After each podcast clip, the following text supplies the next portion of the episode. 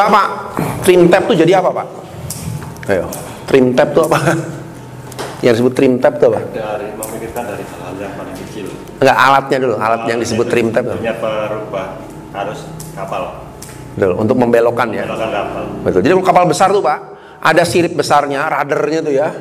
Tapi kalau radarnya tuh pakai mesin, oh, itu nggak mesinnya harus gede lagi tuh. Sama besarnya dengan mesin apa dieselnya itu. Jadi dia butuh hal yang kecil. Ya, ujungnya kecil kan cuma tutup gitu ya. Tapi radarnya bisa menggeser tuh. Radar yang besar. Nah, jadi intinya apa Pak? Dari mesin tadi apa sih maknanya? jadi untuk me, mem- apa namanya untuk kalau kalau, kalau kapal Hmm. kalau kita untuk menggerakkan kapal untuk merubah haluan kapal dari hal-hal yang dari dengan yang paling kecil tapi kalau melihat masalah yang besar kita harus lihat tahu dulu masalah kecil yang ada di sekitar kita Oke, yuk kasih plus dong 50 ribu. Nah, luar biasa ya. Nah, sekarang nanti kita akan belajar ya hal kecil apa sih yang kita bisa lakukan. Gitu ya. Tadi sebenarnya ya sekarang nggak sadar ya waktu kita menjelaskan mengenai statement ya banyak hal kecil yang kita tahu tapi mungkin saat ini belum dilakukan. Karena dengan berbagai macam alasan ya, ya inilah, ya itulah dan sebagainya. Tapi sebenarnya hal kecil itu kalau dilakukan, itu impactnya bisa besar buat organisasi ya. Karena sekarang saya tanya pak kita banyak ngeluh kan. Wah pak perusahaan kita tuh gini gitu gana gini gana gini gana. Tapi sebenarnya kuncinya di mana pak terus? Kalau mau diperbaiki kuncinya dari mana nih? Nah, dari diri sendiri terutama melakukan nah apa nih yang kecil yang berimpact gitu ya. Kayak contoh ya tadi Pak Bagus bilang kita harus kritis sama manajemen ya apa sisi sisi sisi pentingnya itu? Makna dari itu. Apa coba. Kan ada ya sering di TV itu ya. Apa oh, apa hal yang salah itu sering terjadi bukan karena banyaknya orang yang bersalah yang salah gitu ya. Tetapi orang yang benernya diem. Iya sudahlah, nah, biar aja lah. Ya sudahlah, itu problemnya pak. Akhirnya nggak ada ada perubahan. Ya nanti ada banyak hal yang sebenarnya bisa kita lakukan dengan kapasitas kita masing-masing. Itu ya itu satu masalah dari. Yang kedua pak tadi masalah kejahatan tadi masih inget nggak? Us.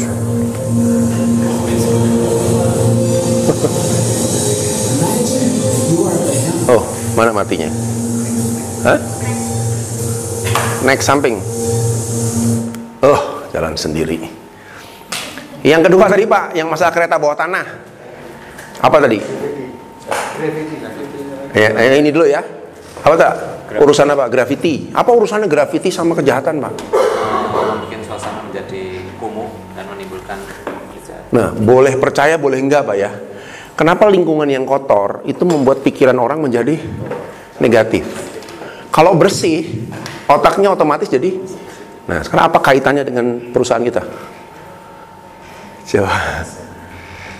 Kenapa K3 itu penting buat organisasi, Pak, untuk berkembang? Karena dengan K3, pikiran kita fresh, kerja juga optimal. Nyaman, Pak.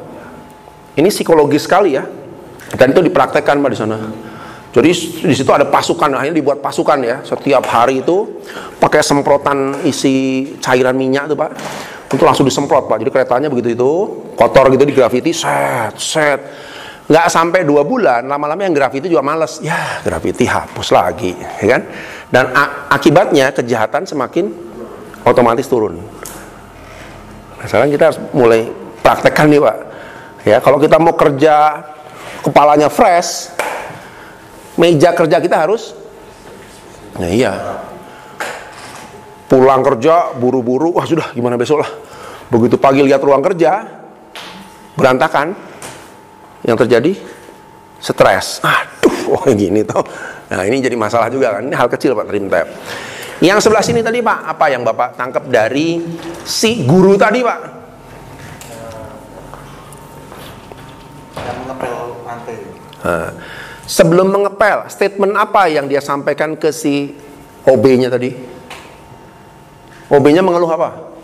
Ini kok kotor toh? Keluhannya apa? Wah susah pak, ini kencingnya udah masuk-masuk Udah nggak bisa nih pak Tapi si gurunya bilang gimana?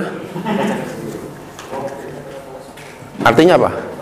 bahwa uh, semuanya tidak tidak ada yang tidak mungkin untuk uh, diselesaikan. Nah, berapa kali ketika bawahan ngomong sama kita, Pak ini gimana kondisi kayak gini ya? Ya wes lah, nggak bisa popo. Satu statement seperti itu membuat bawahan apa? Oh ya sudah, atasanku juga cuek, ngapain saya harus berprestasi gitu kan? Kadang-kadang itu dorong orang pak. Ya, kalau kitanya punya target tinggi, nah ini contoh nih ya.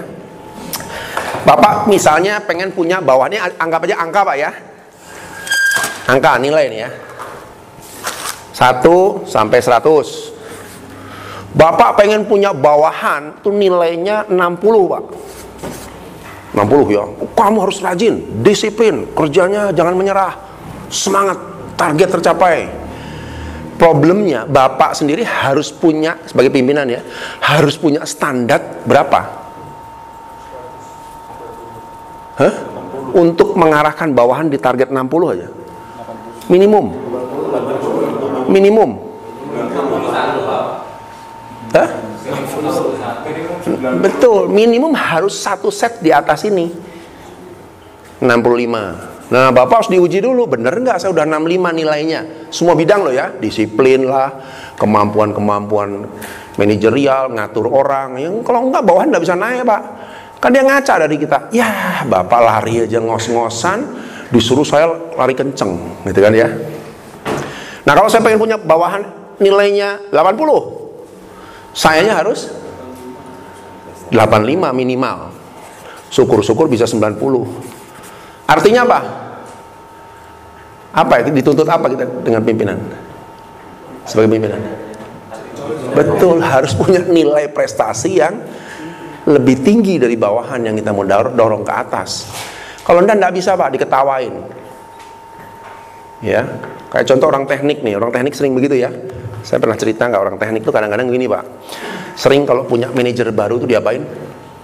Kerjain dulu Nggak salah pak, ternyata di semua industri sama tuh. Kenapa? Karena pengen menguji. Bapak nih mimpin kita ngerti nggak nih? Nah, kan? Datanglah hari pertama. Pak, lapor pak, mesinnya rusak pak. Loh, udah dicek? Sudah pak, nggak tahu kenapa nih rusak. Pak dia tahu tuh. pengen nguji dulu nih.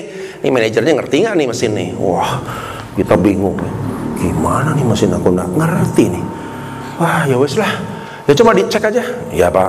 Nah, mereka punya penilaian yang menyepelekan. Iya, Bapak. Saya 11 tahun, 12 tahun dipimpin sama Bapak mesin kayak gini aja tidak ngerti.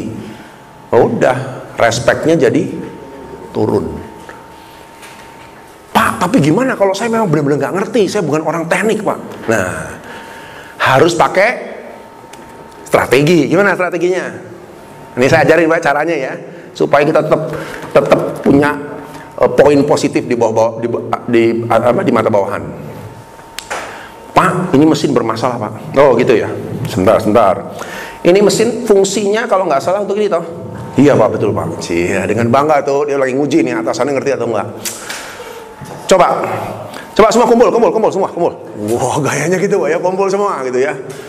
Nah kamu udah lama ya pegang mesin ini ya. Coba jelaskan sistem mesinnya itu gimana sih jalannya? Ayo harus ngerti loh ya. Awas lo nggak ngerti. Kamu masa nggak ngerti loh dijelasin lah begini loh pak prosesnya. Hmm, hmm, ngerti aku. Oh gitu tuh mesinnya. Manggut-manggut tapi jangan kelihatan kayak nggak ngerti apa apa pak.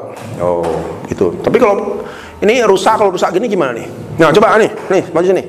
Ini kerusakannya sebelah sini. Kira-kira panel mana yang harus dibuka? Ini pak. Kemungkinan saya harus cek ini cek ini cek ini. Oh ngerti toh? Kita belajar tuh on the spot ya pas terakhir kan udah ngerti semuanya sistemnya segala oke. Okay. nah gitu ya tolong ya ini pelajaran buat kita semua. Kalau mesin rusak itu kita harus sistematis melihatnya. Nggak boleh asal begitu. Ya cek dulu wih gayanya gitu. Uh, pertanyaan saya dari mana kita belajar?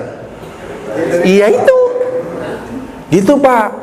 Jadi kita nggak mati istilahnya nggak mati nggak mati gaya sebagai pimpinan. Ya lain kali begitu ya teman-teman tolong kalau ada kerusakan, cek yang benar sistemnya. Kita buat SOP-nya.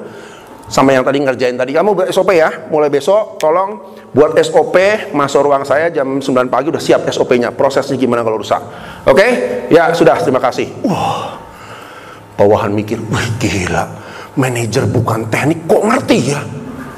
Padahal dia nggak ngerti, dijelasin sendiri sama mereka. Gitu pak. Itu trik-trik menghadapi bawahan yang sering ngerjain atasan kalau baru dan lain sebagainya.